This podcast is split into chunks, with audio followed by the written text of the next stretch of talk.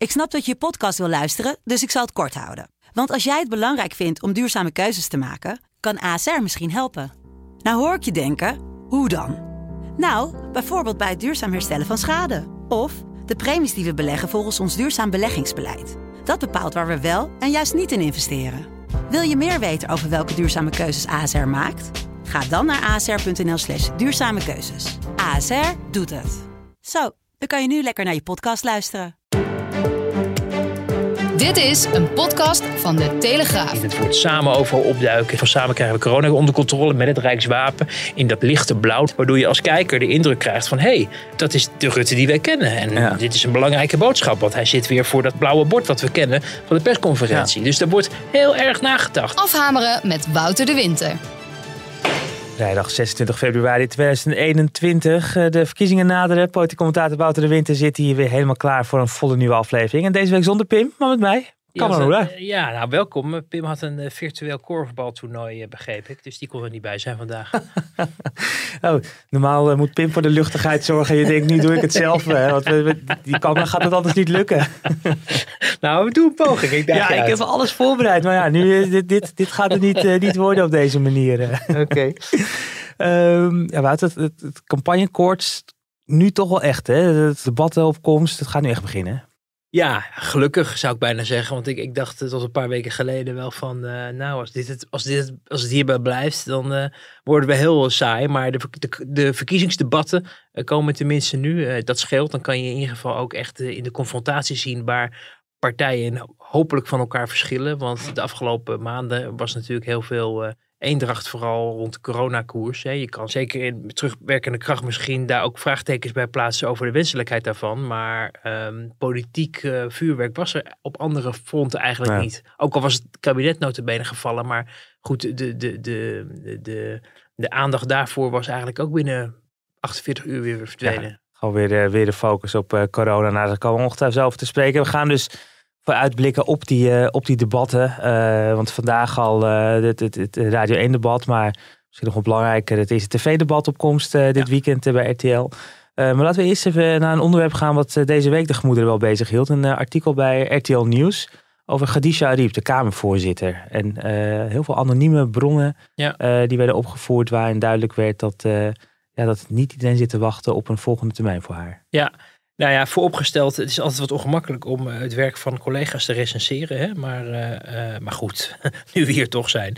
um, het is wel zo, ik vooraf even wel vermelden dat bij RTL hele goede journalisten werken. En, en ook de parlementaire redactie daar, zit, daar zit veel ervaring. Mm -hmm. En zitten goede bronnen. ze, ja, wij, wij, wij strijden vaak met RTL op het binnenhalen van, van het laatste nieuws. En um, uh, er zitten echt wel, echt wel mensen die niet alleen weten waar het over gaat, maar ook echt wel de mensen spreken die ertoe doen. En daarom eh, ja, hink ik eigenlijk een beetje op twee gedachten. Aan de ene kant denk ik um, en herken ik ook wel datgene wat zij berichten. En ook de mensen die dan collectief anoniem daarover praten, die heb ik de afgelopen tijd ook wel, um, tenminste vermoed ik, hè, want ik weet niet per se wat hun Um, wat hun bronnen zeiden, maar ik herkende wel wat dingen. Maar goed, dat gezegd hebbende, de mensen die, die, die ik vermoed uh, dat zij hebben gesproken, ja, die, die, uh, dat herken ik eigenlijk ook wel. En um, um, het is ook niet nieuw wat dat betreft, hè, want er is natuurlijk al langer uh, wordt er gesproken over misschien moeilijke omgangsvormen die er zijn met, met Khadija Ariep, eigenlijk al, al ver voordat ze Kamervoorzitter werd. De vraag is alleen wel of het op deze manier um, ja, verstandig was om zo te brengen. Het was weinig ingekaderd. Mm -hmm. Mensen die anoniem zeggen dat iemand anders achterbaks is. Ja, dat is natuurlijk sowieso een beetje merkwaardig.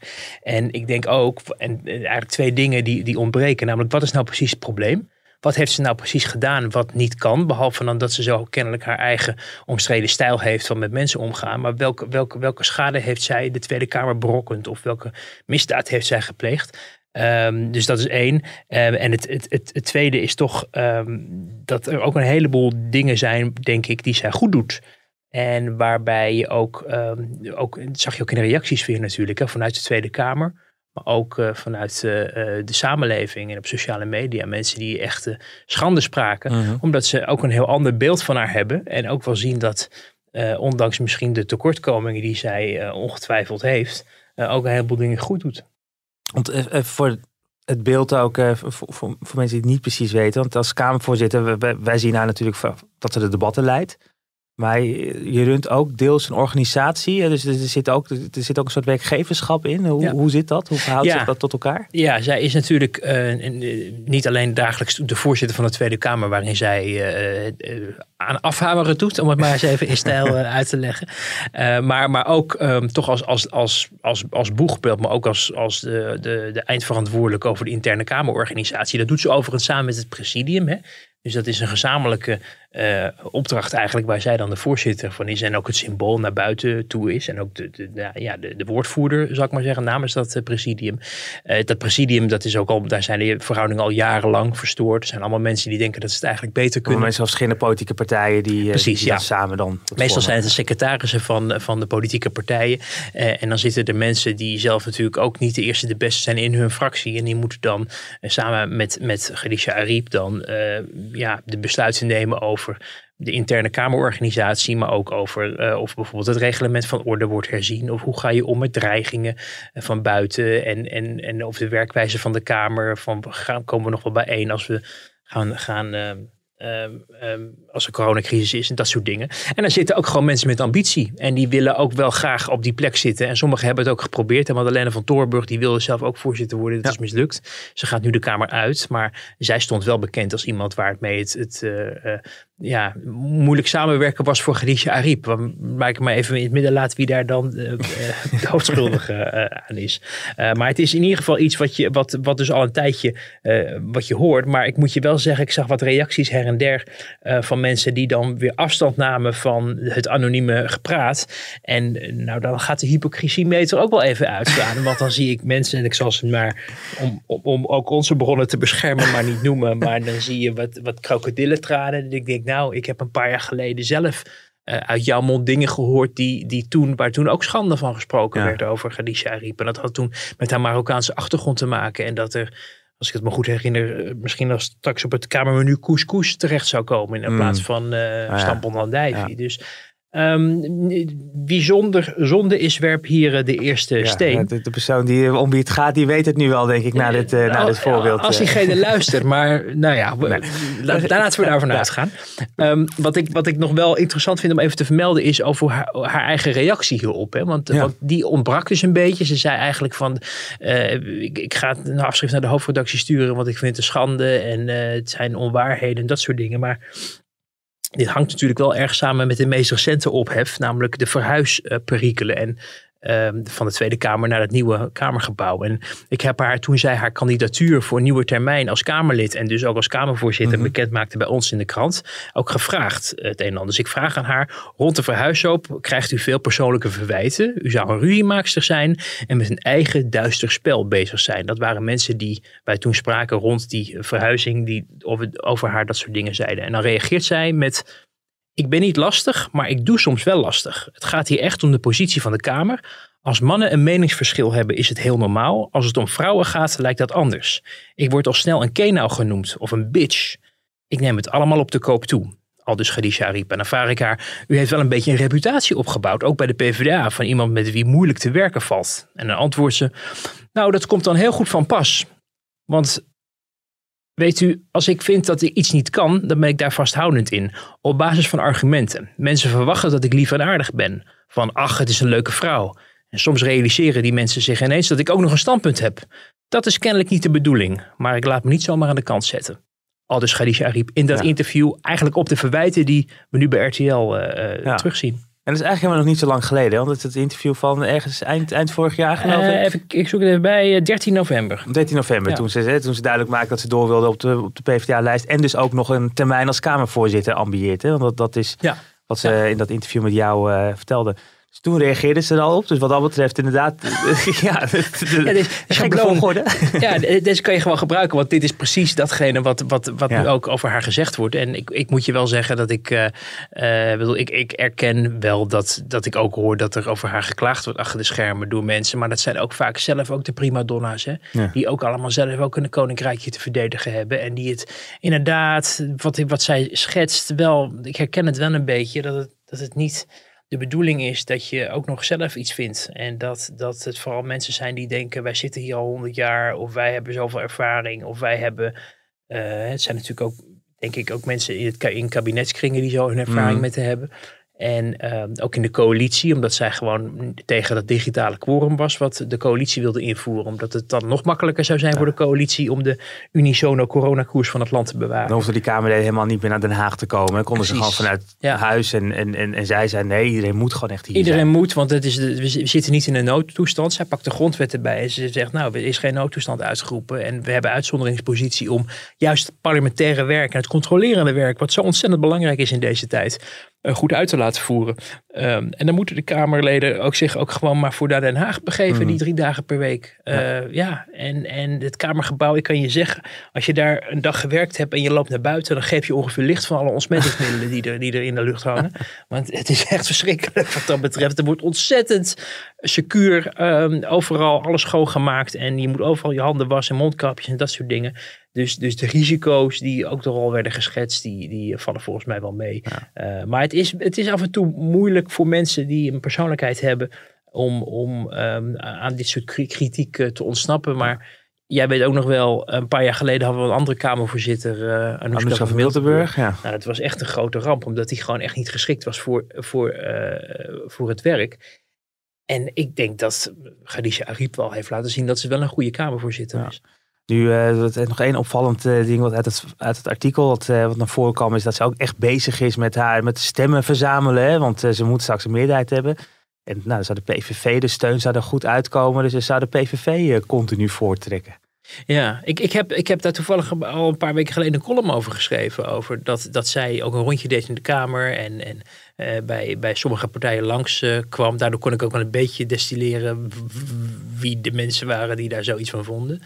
Ehm, ja, ehm, op zich. Het is echt kijk, die tongbijt om, om geen namen te noemen. Hè? Of, Ja, inderdaad. ja, ja dat, is, dat is. Ja, maar goed, dat, dat, dat doet natuurlijk ook niet zoveel aan de schade die Nee. berokkend wordt. Het gaat nu echt om. Mhm. Wat is er gezegd door een groep mensen die. die eh, ook, ik bedoel, het is, het is echt niet allemaal onzin hoor, wat er gezegd wordt. Alleen. ehm, eh, ik denk ook wel dat de eigen egootjes ook wel een rol spelen. En de eigen ambities ook. Ehm, maar, maar goed, ehm, dat een ervaren politica, want ze zit er al heel erg lang in de Kamer, hè, al geloof ik sinds de jaren negentig, eh, echt een van de vaste gezichten. Ehm, daar, en nu is ze Kamervoorzitter. Daar kom je niet doordat je eh, een gouden lot in een pak wasmiddel hebt aangetroffen. Dat, daar kom je omdat je eh, kennelijk ergens heel erg goed in bent. En ook in machtspolitiek. En dat je dus ook als, als goede politica probeert na te gaan van hoe is het met draagvlak. Of de PVV wordt voorgetrokken. Ehm, nou, ik denk dat sommige partijen het vooral een beetje vanzelfsprekendheid vonden dat vooral de coalitie de dienst uitmaakte. En dat zij, toevallig ook omdat ze lid is van de oppositie, eh, maar ook gewoon ehm, de belangen van de oppositie bewaakt. En bovendien, ik heb er ook wel eens een paar keer tegen haar toenmalige partijleider Lodewijk Asscher eh, eh, onaangenaam zien doen. Dat ik wel dacht te zien in de ogen van Asscher dat dat eigenlijk ook niet heel erg gewaardeerd werd. Dus ik vind het wat dat betreft wel fair. Het enige wat je wel zou kunnen zeggen is dat ik vind dat ze het debat af en toe wat te lang laat duren. Dat ik Ja. denk, je kan je misschien wat korter houden. Maar dat is echt vakinhoudelijk. Maar, maar dat, dat bepaalde partijen worden voorgetrokken, dat, eh, nee, dat, Nee. dat herken ik echt niet. Nou, het, eh, in ieder geval, eh, we weten dat ze een stemmenkanon is. En eh, na, dat, na dit artikel weet ik eigenlijk niet welke kant het op gaat. Zou maar zomaar kunnen dat nog meer PvdA-stemmers denken, we geven haar een voorkeurstem.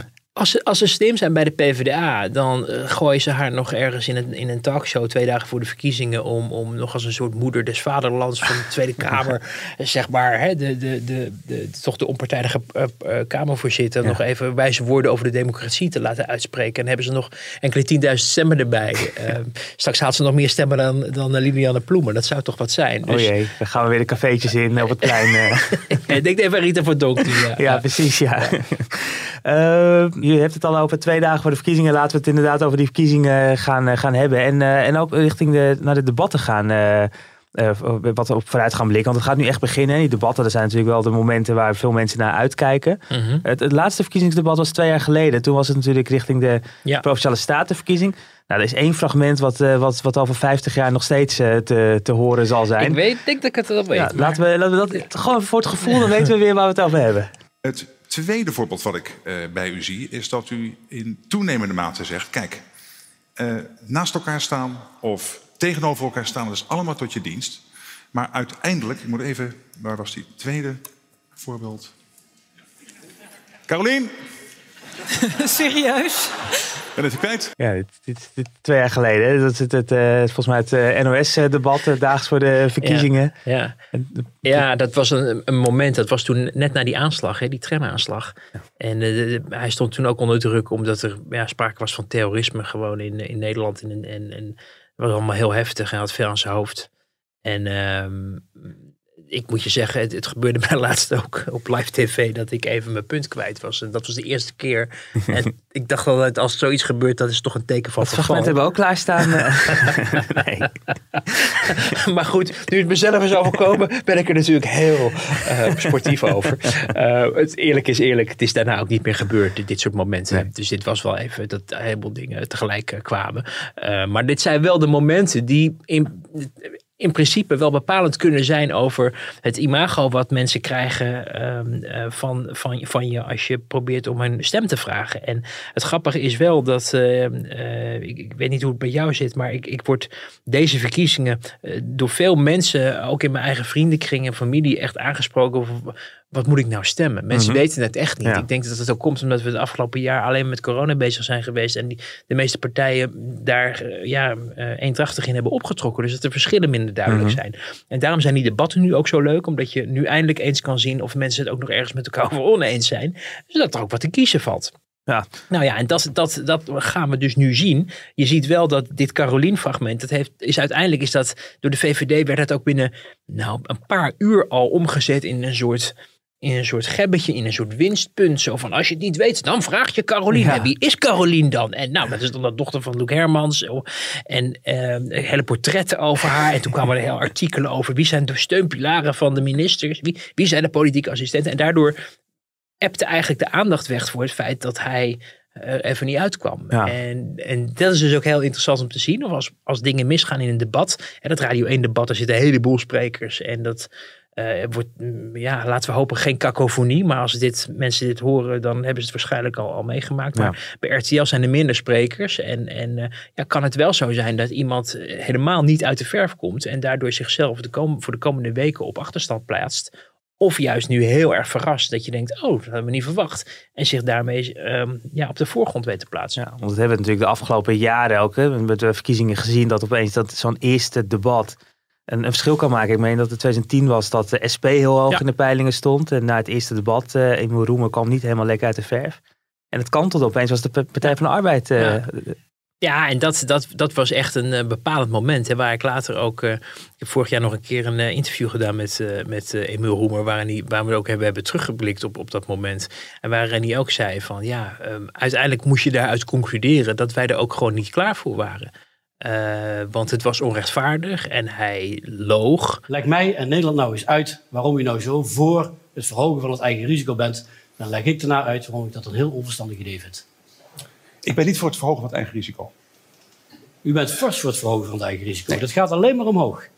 De afgelopen jaren alleen maar omhoog gegaan. U wilt de kosten omhoog om naar de dokter te gaan. Een eigen risico voor de dokter. Staat gewoon in uw verkiezingsprogramma. Luister. U wil lichtgeld. Staat gewoon in het verkiezingsprogramma. Nee, in het Koendersprogramma. Nee. Staat er gewoon in. Heel secuur gezien noemde hij iets wat inderdaad de, niet uh, de VVD zo had opgeschreven, maar ze had het wel op een andere manier in het verkiezingsprogramma opgeschreven. Daardoor zou je kunnen concluderen dat Emil Roemer ook gelijk had hoor. Uh, maar omdat uh, Rutte toen heel erg met veel bravoure en acteertalent deed alsof Emil Roemer gek was geworden en zijn feiten niet op orde had, straalde het heel erg af op Roemer. En Roemer gaf in dat interview wat ik met hem had ook aan van ja, um, als je het hoogste ambieert, dan moet je ook op dat soort punten wel klaarstaan ja. om gelijk terug te mappen. En ook gelijk in de, ook in, die, in de slipstream van dat debat, dus ook de dagen daarna, proberen dat beeld recht te zetten. Ja. Uh, en dat, hij gaf ook toe van ja, daar hadden we op dat moment, zijn we daar onvoldoende in geslaagd. Dus er is, niet, er is een realiteit van het debat zelf, maar er is ook nog een, een periode die daarna komt, waarin je moet proberen om als er dingen mis zijn gegaan, de, de boel toch weer een beetje recht te trekken voor jezelf. Het, het, het, beeld moet ik ook meteen denken aan volgens mij de, de foto die daags daarna verscheen. Dat eh Emil Roemer een flesje cola geloof ik met een rietje aan het drinken was. En, eh, en Rutte ernaast stond met dat, eh, of, of, of anderen ook met een flesje aan de mond. Ja, En toen dacht ik, oh ja, dit, dit, dit was zo Ja. tekenend. Dat, dat herinner ik me nog steeds. Je moet zo opletten, ook in die entourage als de fotografen rondlopen. Want die, die pakken je net op een, op, een, op een moment. En zeker als het om live tv gaat. eh, is er ook nog wel een legendarische foto van Pim Fortuyn en Ad Melkert. Op een gegeven moment. Hè, Ja. dat, dat je ook ziet dat helemaal, Melkert helemaal in één is gestort. En Fortuyn als een soort, eh, als de gebraden haan staat te stralen. Ja. En, en eh, je moet zeker naar zo'n live eh, optreden waar iedereen op je staat in te praten. En er gebeurt van alles om je heen. Dan komt er weer iemand die nog even wat, wat glimmend wer- werk moet wegwerken op je, op je voorhoofd met een poederdoos. En dan staat je sp- spindokter tegen je te schreeuwen dat je daarop moet opletten. En de presentator die wilde ook nog wat. En nou, alles komt tegelijk. En dan ben je klaar met het debat. En dan valt er echt een soort last van je schouders. En dan moet je wel nog steeds op blijven letten. Want dan denk je, als je dan heel hoogmoedig denkt, eh, een beetje gaat staan juichen naar je. nou, dat zou ook heel treurig zijn. Dus je moet ook eigenlijk totdat je in de auto zit, gewoon ehm, ja, redelijk in, in, eh, in vorm blijven. En eh, je niet al te veel eh, laten verleiden tot, tot, tot zwakke momenten. Dan ehm, de, de debatten dit jaar. Dus het, RT of eh, het of Radio 1 debat eh, vandaag. Maar dat is misschien al eh, op het moment dat mensen de podcast luisteren, is dat al eh, geweest. Dan hebben we dus komende zondag het, eh, het RTL debat.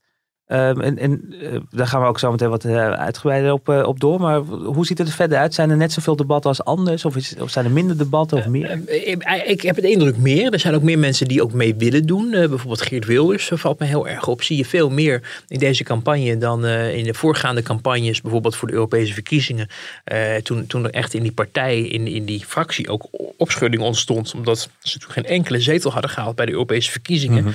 En je hoort nooit zoveel vanuit die PVV-fractie. Maar toen zijpelde wel door dat de Kamerleden zich daar wel zorgen over begonnen te maken. Omdat, en dat zie je ook aan de samenstelling van de kandidatenlijst. eh, men zich wel er heeft, mee heeft verzoend dat als je eenmaal bij PVV-Kamerlid bent geworden. dat het dan niet zo makkelijk is om nog elders aan de slag te komen. Precies, En op het moment dat eh, de zetelaantallen dalen en de peilingen. dan wordt ook in zo'n fractie eh, het- het wel even billen knijpen. Want Ehm, dan is een doorstart als Kamerlid wordt dan ook lastig. Dus er is toen ook intern tegen Wilders in die fractie ook gezegd van je moet meer jezelf laten zien en je moet meer eh, ten strijde trekken. En je ziet ook wel dat Wilders, die natuurlijk sowieso te maken heeft met beperkingen vanwege zijn eh, verschrikkelijke veiligheidssituatie, eh, maar dit keer op veel meer plekken te, te zien Ja. is dan, dan eerst. En bijvoorbeeld ook bij, eh, bij Ruud de Wild eh, met, met ja, toch de wat dichtere gesprekken, eh, maar ook, ook op andere vlakken gewoon zich meer laat zien. En ehm, ook natuurlijk ontstaan vanuit het feit dat er concurrentie is ontstaan voor hem ook vanwege Vorm voor Democratie. Dus hij kan niet op zijn lauren rusten en denken het komt vanzelf wel goed, want de VVD is helemaal naar links opgeschoven en al die eh, ja, verontruste rechtse kiezers komen naar mij toe. Nee, er is altijd ook wat te kiezen nu en ook ja 21 doet mee, dus ehm, hij moet ook de boer op. Ehm, dus dat is denk ik eh, anders. Maar er komen, ehm, ja, alle, het is toch een televisie- en, en, en mediacampagne. Veel kranten, interviews, eh, veel beschouwingen, ook, ook van partijen. Eh, maar ook natuurlijk veel talkshows die er zijn. Hè? Er zijn er nu inmiddels toch drie. hè? De vooravond en, en op één en Jinek. Eh, waarin ze ook allemaal kunnen optreden. Je hebt nog Nieuwsuur natuurlijk wat erbij zit. Eh, er komt, begrijp ik, maar ik neem aan dat dat een beetje in de zendtijd van op één is. Een, eh, en nog een paar één op één debatten die Jeroen Pauw dan leidt. Hè? Een Ah, ja. beetje zoals dat tussen Rutte en Baudet Ja. is gegaan. En Ja. wat veel kijkers goed beviel. Was ook, was ook goede debatten. Maar ook omdat het gewoon goed geleid werd door Mhm. Jeroen Pauw. Maar bij Eva Jinek zitten ook politici één op één aan tafel met Eva. En soms ook nog met, met een verdwaalde politiek commentator. ja, om, om, om gewoon ehm, ja, eh, te kijken en te benoemen van wat zijn nou de verschillen en, en, en, en eh, wat, wat willen die mensen straks met ons land. Dus ehm, er gebeurt een heleboel de komende tijd, zoals eigenlijk elk jaar gebeurt, maar nu veel minder op straat met flyers, of ik denk bijna niet, hè, alleen Forum. Uh, maar een heleboel in, in media. Ja, dus, dus, dus voor de, de politieke watchers, de mensen die echt, echt de, de politieke junkies, is het, zijn het mooie tijden. Want er is, je kan hele avonden besteden door naar de politie te kijken. Ik, ja, ik kan me dat mensen het volhouden nog drie weken. Maar ik, ik mis wel persoonlijk de, de, de, de, de, momenten op straat. Ik ben vorige keer met Geert Wilders meegegaan, ook in zijn uh, beschermingskolonne. In, uh, en uh, trouwens ook met Rutte heb ik dat twee keer gedaan. En um, dat, dan leer je iemand ook wat meer kennen. En dan kan je ook een beetje proberen te proeven hoe zijn leven eruit ziet. In ieder Mm. geval dat van, van, van, van Wilders natuurlijk. Dat was onder, onder bizarre omstandigheden. En dan denkend dat hij dat al 15 jaar meemaakt. Um, dat is buitengewoon interessant. En zo kan je met elke politieke partij natuurlijk meelopen. Er zijn ook camerateams die soms al een hele campagne blijken te hebben gevolgd. Ja. En dan ineens na de verkiezingen komt er een documentaire over. En uh, dat zagen we ook bij uh, Sigrid Kaag natuurlijk met die D66. Of nee, dat moet ik niet zeggen. De, de, de, want het was niet uit D66 ontsproten. Maar uiteindelijk leidde dat wel toe tot het D66-partijleiderschap. Wat begon als iemand die uh, als diplomaat in het Midden-Oosten aan het werk was. Ja. Dus, weet je of er op dit moment een cameraploeg ergens is? Die, uh, gaan we straks een verrassende, zo'n Wouter Tapes-achtige docu krijgen? Nee, nee. Ik heb, ik heb dat niet, nog niet echt kunnen waarnemen. We, we, zagen wel wat extra activiteit in Den Haag door mensen te volgen.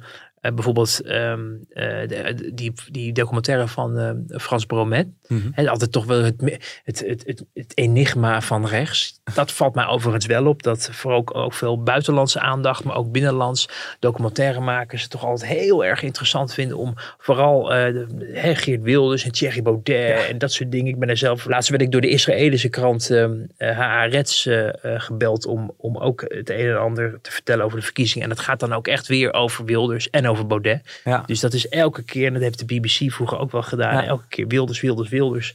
Uh, en nu dan Baudet uh, focussen, terwijl natuurlijk op links ook genoeg te vertellen valt met, met een volledig versnipperd links landschap van partijen die allemaal op verlies staan met uitzondering van de PvdA. En de drama's die daar achter schuil gaan. Maar de uh, focus is heel vaak Ja. toch op rechts. Die daar samen willen werken, maar eigenlijk toch weer niet samen willen werken. Ja, ja, ja, ja daarom. En uh, dus, dus dat, daar is volgens mij genoeg te vertellen, maar Hmm. misschien niet zo, zo spannend. En iedereen denkt het geheim van Geert Wilders of zo te kunnen, kunnen ontdekken. Maar, uh, maar de, ja, de, de, realiteit is natuurlijk ook dat we vanwege corona het ook moeilijker is om, om je, denk ik, uh, heel erg veel te laten schaduwen door een cameraploeg. Ja. Dat het gewoon beperkingen oplevert.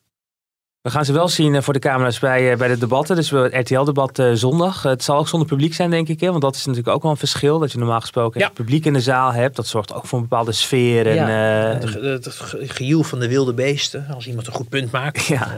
Eh, eh, ja, nee, dus dat, is een, dat, dat vereist ook voorbereiding. En ehm, ik heb een beetje een rondje gemaakt bij de verschillende partijen. Van, goh, hoe bereiden jullie je nou voor?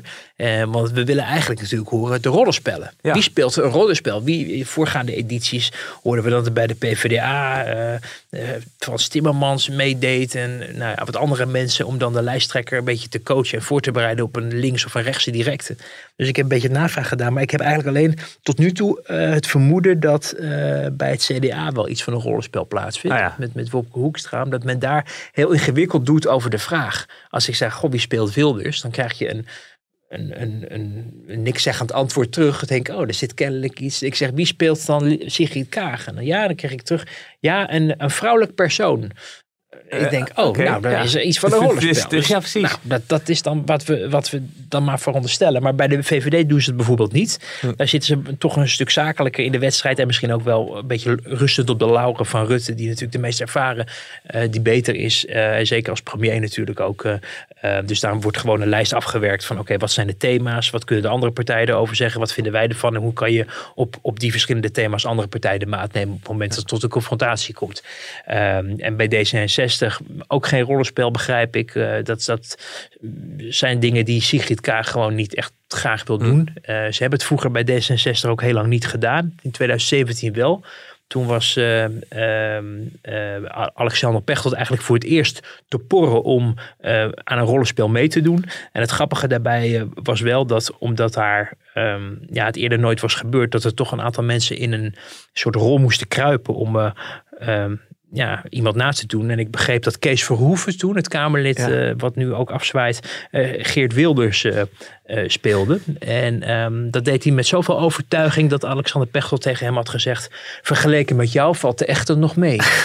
dus nou, dus dat, dat, is, dat is wel heel erg, erg grappig. Maar ik begrijp dat Kaag daar niet aan wilde. Maar dat we zeker niet moeten onderschatten dat zij ook bereid is om hard uit de hoek te komen. Mhm. Want als er één iemand voorbereiding nodig heeft, dan is het denk ik Kaag wel. Omdat hij van de grote eh, dames en heren de minste echte debatervaring heeft. eh, omdat ze als minister niet vaak in de Tweede Kamer was. En ook die coronadebatten allemaal niet deed.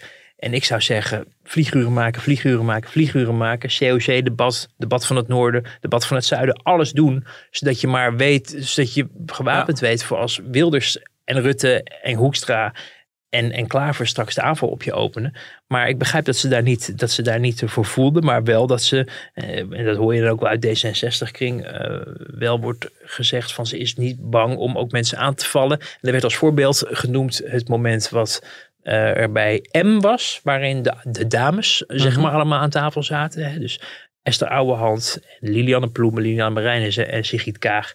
En dat Sigrid Kaag, ehm, ja, Lilianne Marijnissen ook wel een beetje de mond probeerde te snoeren. Of in ieder geval zich niet het woord liet afpakken op het moment dat ze onderbroken wordt. Hebben jullie het volgens mij hier twee weken geleden ook, ook Ja. over gehad. Hè? Dus dat, dat, dat, Ja, werd dus- er gezegd van, nee, ik, maar eerst, eerst mag ik mijn punt maken. Nee, nu mag ik eerst mijn Dus, punt dus, maken. nou ja, dat, dus, dus da, nou ja, dat was dan een soort voorbode, begreep ik, waar we konden opmaken dat eh Kaag haar, eh, haar vrouwtje wel staat. Nou, ik ben heel benieuwd, want ik denk dat dat wel een van de grote aandachtspunten gaat worden de komende dagen. Ja, want het is, het is- die rollenspellen zijn natuurlijk om echt gewoon een beetje te oefenen eh, van hè, hoe, hoe kan iemand uit de hoek komen en dat is, dat is op de personen, maar daarnaast natuurlijk ook de inhoud, want Ja. je moet opeens over heel veel andere thema's Ja. eh, praten dan dat je de afgelopen jaren wellicht gedaan En, hebt. en je moet eigenlijk ook alle verkiezingsprogramma's van je opponenten uit je Ja. hoofd weten. hè. Want dat is dus wat er misging toen met Roemer en, en Rutte. Dat, dat, dat Roemer het eigenlijk ineens toch niet zeker meer dacht te weten. En dat Rutte er gewoon overheen balste. Eh, maar dat is dus, als het echt om de inhoud gaat, heel lastig. En je hebt natuurlijk altijd de, de factcheckers die ook meekijken en meeschrijven. Maar op het moment dat die uitzending loopt, dan heeft niemand meer ehm, de ruimte om het, het, het, de, als, de, de, de 2 voor 12 encyclopedie te raadplegen om dingen te, te controleren. Dus dat wordt heel, eh, heel lastig dan. Maar achteraf... Caroline eh, met een belletje zit en eh Ja. ja, mevrouw Kaag heeft het antwoord. Ja.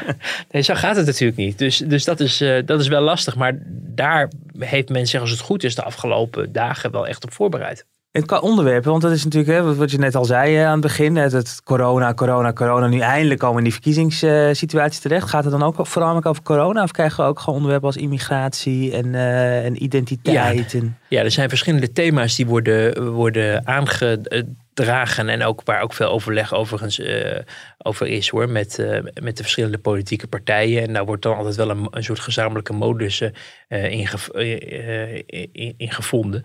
Ehm, ik denk dat corona zeker een belangrijk onderdeel zal zijn. Ik begrijp overigens bij RTL zit nog een, een soort verrassingselement in. Wat, wat Frits Wester nog niet wilde vertellen. Maar ze hadden, vroeger hadden ze die, die knop. Weet je? Van ja of nee of zo. En ik begrijp dat dat...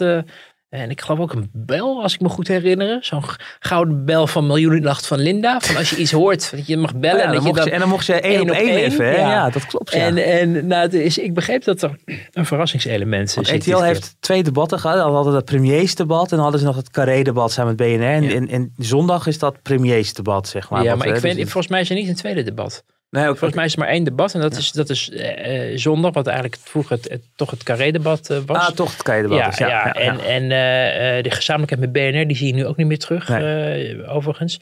Ehm, maar, maar ja, zo'n premiersdebat van, van één op één, dat is er eigenlijk niet. Behalve dan dat je in die verschillende talkshows dus wel één op één confrontaties Exact, hebt ja, met ja, mensen. En, en één vandaag zit natuurlijk ook altijd nog vlak voor de verkiezingen nog met een debat waar ook een één op één confrontatie Mhm. voorzien is. Als ik het goed heb, eh, in ieder geval ook tussen Wilders en, en, eh, en eh, Rutte. Ehm, dus die vergaten we net nog te noemen. Ook één vandaag, traditiegetrouw, ook altijd een, een, een belangrijk debat op de maandag voor de maandag, hè? Ja, precies. En dan op dinsdag nog het NOS-debat met echt, de hele goede gemeente aanwezig. Ja. Eh, eh, dat, dat, dus er komt nog een verrassingselement in. Hè? Want eh, we hebben in het verleden ook al verrassing. Of, toen had je ook dat element in dat ze één op één dan nog met een, eh, met een van de presentatrices eh, moesten. Met Balken en dan natuurlijk met Wat lacht u lief. Ja, Eh, Ja. En eh, later hebben we Diana Matroos, zeg ik het al goed, Oh ja, eh, gehad. Die, dat, nog, eh, die, dat, eh, die dat een keer heeft mogen doen. Ik heb er niet zoveel meer van gehoord. eh. Merel Westrik heeft dit volgens mij ook nog een keer gedaan. En, en um, Marjelle Tweebeke Ja, was het mee. historische moment Ja. van... eh, dat heeft hij de nieuwsuurzetel opgeleverd. Dus dat, zo zie je, het kan niet alleen voor politici goed uitpakken. Er zijn meer zetels te verdienen dan we denken. ja. Dus er zitten, eh, toch maar, maar er zit qua onderwerpen dus wel echt eh, veel breder dan... dan ja, ja, ja, en dat is denk ik ook wel logisch. Want over corona ben je gek genoeg ook wel weer snel klaar als je ziet... Of in ieder geval kijkt naar het stemgedrag van, eh, van de verschillende politieke partijen. Ik moet je wel zeggen dat je de afgelopen dagen ineens dingen ziet schuiven. Waarvan ik denk, ja, aan de ene kant is het voorspelbaar omdat de verkiezingen aankomen. En dan laat je toch als politicus je, je oor wat meer hangen naar kiezers dan je eh, zou doen als er geen confrontatie in de stembus eh, zou plaatsvinden. Maar de snelheid waarmee we afgelopen week zagen dat um, de terrassen ineens per decreet werden, uh, moesten worden openverklaard ja. door de Tweede Kamer. Dat ik denk, nou, um, die voortvarendheid uh, zien we zelden. En um, het wordt wel heel lastig, denk ik, voor een kabinet dat uh, op die 8e maart gaat besluiten over ook het lot van de avondklok, maar ook over dit. om dan een week voor de verkiezingen daar nee tegen te zeggen. Mm -hmm. Tenzij we naar 10.000, 12.000, 100.000 besmettingen gaan per dag. Uh, ik chargeer een beetje. Mm -hmm. Maar dat wordt wel heel ingewikkeld. Dus dat betekent denk ik wel goed nieuws voor de horeca. Want er, er is nu wel echt een enorme politieke beweging gaande die dat probeert uh, veilig te stellen. Richting de, richting de verkiezingen. Je had het uh, misschien tot slot dan toch nog heel veel daarbij bij stilstaan deze week. In je column al schreef je al uh, dat, dat, dat persconferentie, dat eigenlijk ook, hè, wie, wie staat er dan eigenlijk? Staat dat de lijsttrekker van de VVD ja. uh, of de minister-president? Nou, Jesse Klaver had je column goed gelezen, want die twitterde tijdens ja. de persconferentie al dat daar de lijsttrekker Jesse van de VVD doet stond. hij ons allemaal verschrikkelijk vindt. Hij wilde ook geen interview geven aan ons weer, uh, helaas in het kader van de verkiezingen. Maar je komt af en toe wel dingen tegen. Hij staat in de krant, zegt hij dan in het debat. Denk ik, oh, dat waren wij. maar dat maakt niet uit, want wij zijn een, een, krant voor het grote publiek. En ook voor de kiezers en, en, de, en de, leden van, van GroenLinks. Uh, maar je moet, je moet gewoon uh, niet naïef zijn Hmm. uh, in dit, in dit kader. Er wordt natuurlijk door die VVD, het zijn de grootste partij nu. En ook in de peilingen lopen ver voorop. Die laten echt niks aan het toeval over. Hmm. Als het even kan. Dus die zijn al, al, al misschien al een jaar bezig om die, heel erg goed na te denken over hoe ga je deze winst uh, te gelden maken die je krijgt uh, vanwege de coronacrisis, de premierbonus. En er zijn ook mensen uh, uit de top van de VVD, die, die, iemand die mij zei um, dat op het moment dat Mark Rutte überhaupt maar zou overwegen om geen lijsttrekker te worden. Hè, wat, wat natuurlijk in het voorjaar uh, nog een discussie over was, gaat hij het nog een keer doen? Die zegt, nou dan, we dwingen hem gewoon dat hij lijsttrekker wordt. Want met zo'n voorsprong en, en dit perspectief, wat ja. je ook weer voor een volgende periode kan bereiken voor je partij, moet je er gewoon staan voor je partij. Dus die, die, die hele machine, die staat ook in het teken van Rutte in het zadel houden, op het schild plaatsen en alles doen uh, om te voorkomen dat hij eraf kan worden uh, gekukeld.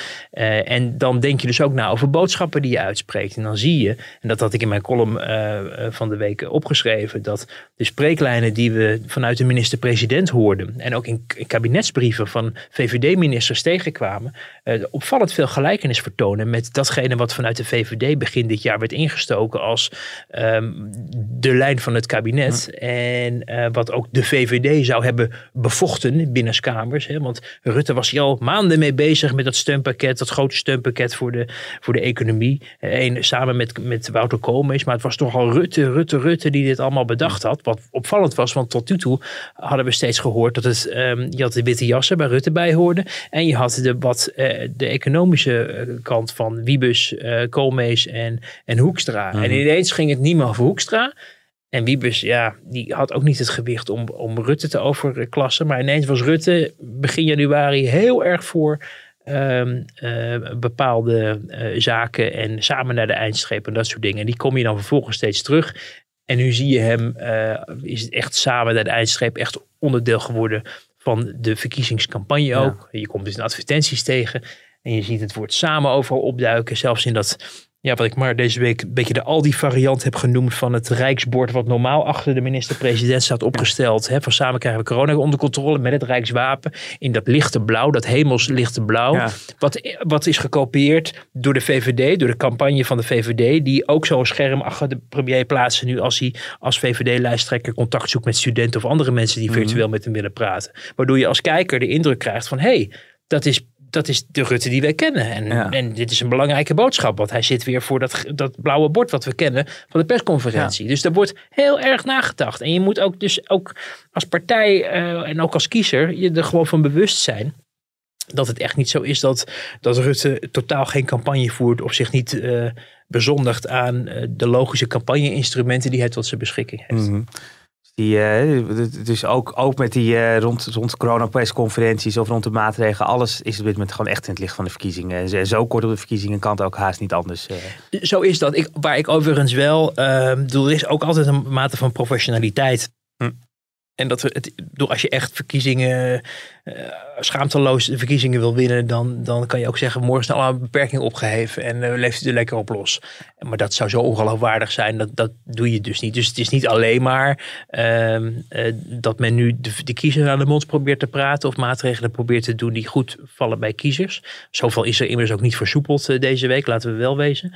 Maar ehm, je moet bij elke uitspraak die nou, een bepaalde lading heeft eh, en, invloed heeft op het dagelijks leven van mensen, wel even, even goed nadenken, denk ik, als kiezer van goh, ehm, in welk licht kunnen we dit precies plaatsen? Als we maandenlang alleen maar beperkingen over ons uitgestort hebben gekregen en nu, terwijl cijfers een beetje oplopen, eh, eigenlijk eh, het kabinet met, met verruimingen komt. En de Tweede Kamer ineens ook van alles wil. Terwijl we daar toch maandenlang ja, weinig hoop op konden vestigen. Wouter, ik denk dat dat eh, mooie laatste woorden zijn eh, eh, voor, de- voor deze podcast, voor, voor deze week. Komende week dus, nou, we gaan natuurlijk blijven volgen wat er rondom corona gebeurt en die richting die persconferentie langzamerhand. En de eerste debatten, we, we hoeven niet een week te wachten denk ik om jou te horen of te zien. Nee, en dinsdag natuurlijk doen we weer afhamer video. Dus dan, Dan, dan is Pim er ook weer, dan is het ja. korf- virtuele korfbaltoernooi afgelopen en Ja. kan hij gewoon weer... Ja, en, we zijn ondertussen, dat is misschien ook wel leuk om even te vertellen voor, eh, Ja. voor eh, de, de, de luisteraars. eh, zoals elk jaar maken we weer een verkiezingskrant. yes. En eh, eh, eh, Inge Lengton, de chef van de parlementaire redactie, is daar de afgelopen dagen, of eigenlijk weken moet ik zeggen, heel druk al mee geweest met de voorbereidingen. Normaal doen we al die mensen tegelijk eh, hier op de redactie met hun teams al die kranten maken. Nou, dat, dat lukt nu vanwege corona Mhm, niet. Ik denk mhm. ook niet dat mensen er veel begrip zullen eh, voor hebben als we daar ineens wel aan zouden beginnen op het moment dat eh, hè, je toch allemaal opgesloten voelt. Eh, dus we doen dat op een hele eh, ja, corona aangepaste manier, maar wel met hetzelfde mooie eindresultaat. En ik heb al wat dingetjes kunnen, kunnen bekijken en horen. En er zitten, je ziet echt dat ze er heel veel tijd in steken, die verschillende partijen. Ook natuurlijk omdat de instrumenten om campagne te voeren, eh, behalve via de media, heel erg beperkt eh, zijn. Eh, maar er zitten mooie dingen in. En daar gaan we volgende week zondag. Ehm, eh, ja, gaan we daar eh, een klap op geven. En dan zit hij op die maandag daarna, dus dat is dan 8 maart, ook eh, bij de Telegraaf. Dus eh, het is wel echt de moeite waard om dat in de gaten te houden. Nou, nu dat toch noemt, laten we anders naar Wopke Hoekstra luisteren. Hoe hij bezig is eh, om eh, ja, een beetje zichzelf hoofdredacteur van de Telegraaf te wanen. Hey jongens, hartstikke leuk. We gaan zelf de krant maken. Eh, ik heb al een hele goede indeling gezien, maar misschien is het goed om een paar van de grotere dingen wel even nog eh, bij de kop te pakken. En eh, het begint natuurlijk met het hoofdartikel. En de boodschap van nu doorpakken, eh, de fase van de, de komende vier jaar en wat we dan allemaal willen doen. Na het hoofdartikel is er een serie van artikelen dienstplicht, eh, doorpakkers, drugs. Daar komen dan Vert en Anne komen in beeld. Sport natuurlijk. Heel goed dat we daar ook aandacht aan besteden. Ja, Ja, dus, dus zo, gaat het bij ons eh, ook hoor. Onze hoofdredacteur is ook altijd zo aan het oreren wat er allemaal waar moet komen. En, eh, nou en jij zit tegenwoordig in de hoofdredactie, Oh. Dus eigenlijk, eh, jullie spreken altijd met één mond. Dus jij hebt het nu eigenlijk dus over jezelf. dit- Precies. Maar goed, je hoort hartstikke veel enthousiasme. En, en, en het is natuurlijk ook een mooie kans voor, voor partijen om echt hun eigen stempel te drukken. Want als wij dat doen, ehm, zeg maar, als wij die krant maken. Dan zijn ze altijd ontevreden over eh, formuleringen en, en, en foto's en weet ik veel wat. En nu hebben ze het in feite zelf eh, voor het zeggen. En dat eh, nou ja, levert mooie productie op. Zondag 7 maart uitgebreid op onze website en in, in onze apps live allemaal te volgen. En, en, en, maandag 8 maart inderdaad de verkiezingsbijlage bij de krant. Wouter, dankjewel weer voor deze week. U bedankt voor het luisteren en wat ons betreft tot volgende week. Tot dan. Op 15, 16 en 17 maart gaan we naar de stembus. Alles is erop gericht om die verkiezingen veilig door te laten gaan. In aanloop naar de verkiezingen presenteert de Telegraaf de stembus. Een podcast met het laatste campagnenieuws. Dit is allemaal privé en het onderscheid niet accepteren tussen privé en publiek, dat hoort bij een totalitair regime. Jonge meisjes en vrouwen die kunnen zien, vrouwen zijn ook bazen van de wereld het traditionele politieke bolwerk is toch ook met al die mannen is toch ook toch best wel vaak een wedstrijdje verpissen. Ik ben een jaar of 10, 11 geloof ik nu lid van de Friese Elfstedentochtvereniging. Met opvallende fragmenten en een duik in het archief. U kijkt zo lief. Oké. U garandeert. En ik citeer Lachta Brahimi. Toen ik kwam had ik een paar goede ideeën. Het is nu tijd voor iemand anders met een paar goede ideeën. Kom mij niet aan met wappiegedrag. Als hier één wappie is, dan bent u het eerder dan ik. Luisteren dus vanaf 1 maart elke ochtend van maandag tot en met vrijdag. Natuurlijk op de site en app van de Telegraaf en in je favoriete podcastplayer. You ain't seen nothing yet? Ga stemmen voor de nieuwe Tweede Kamer.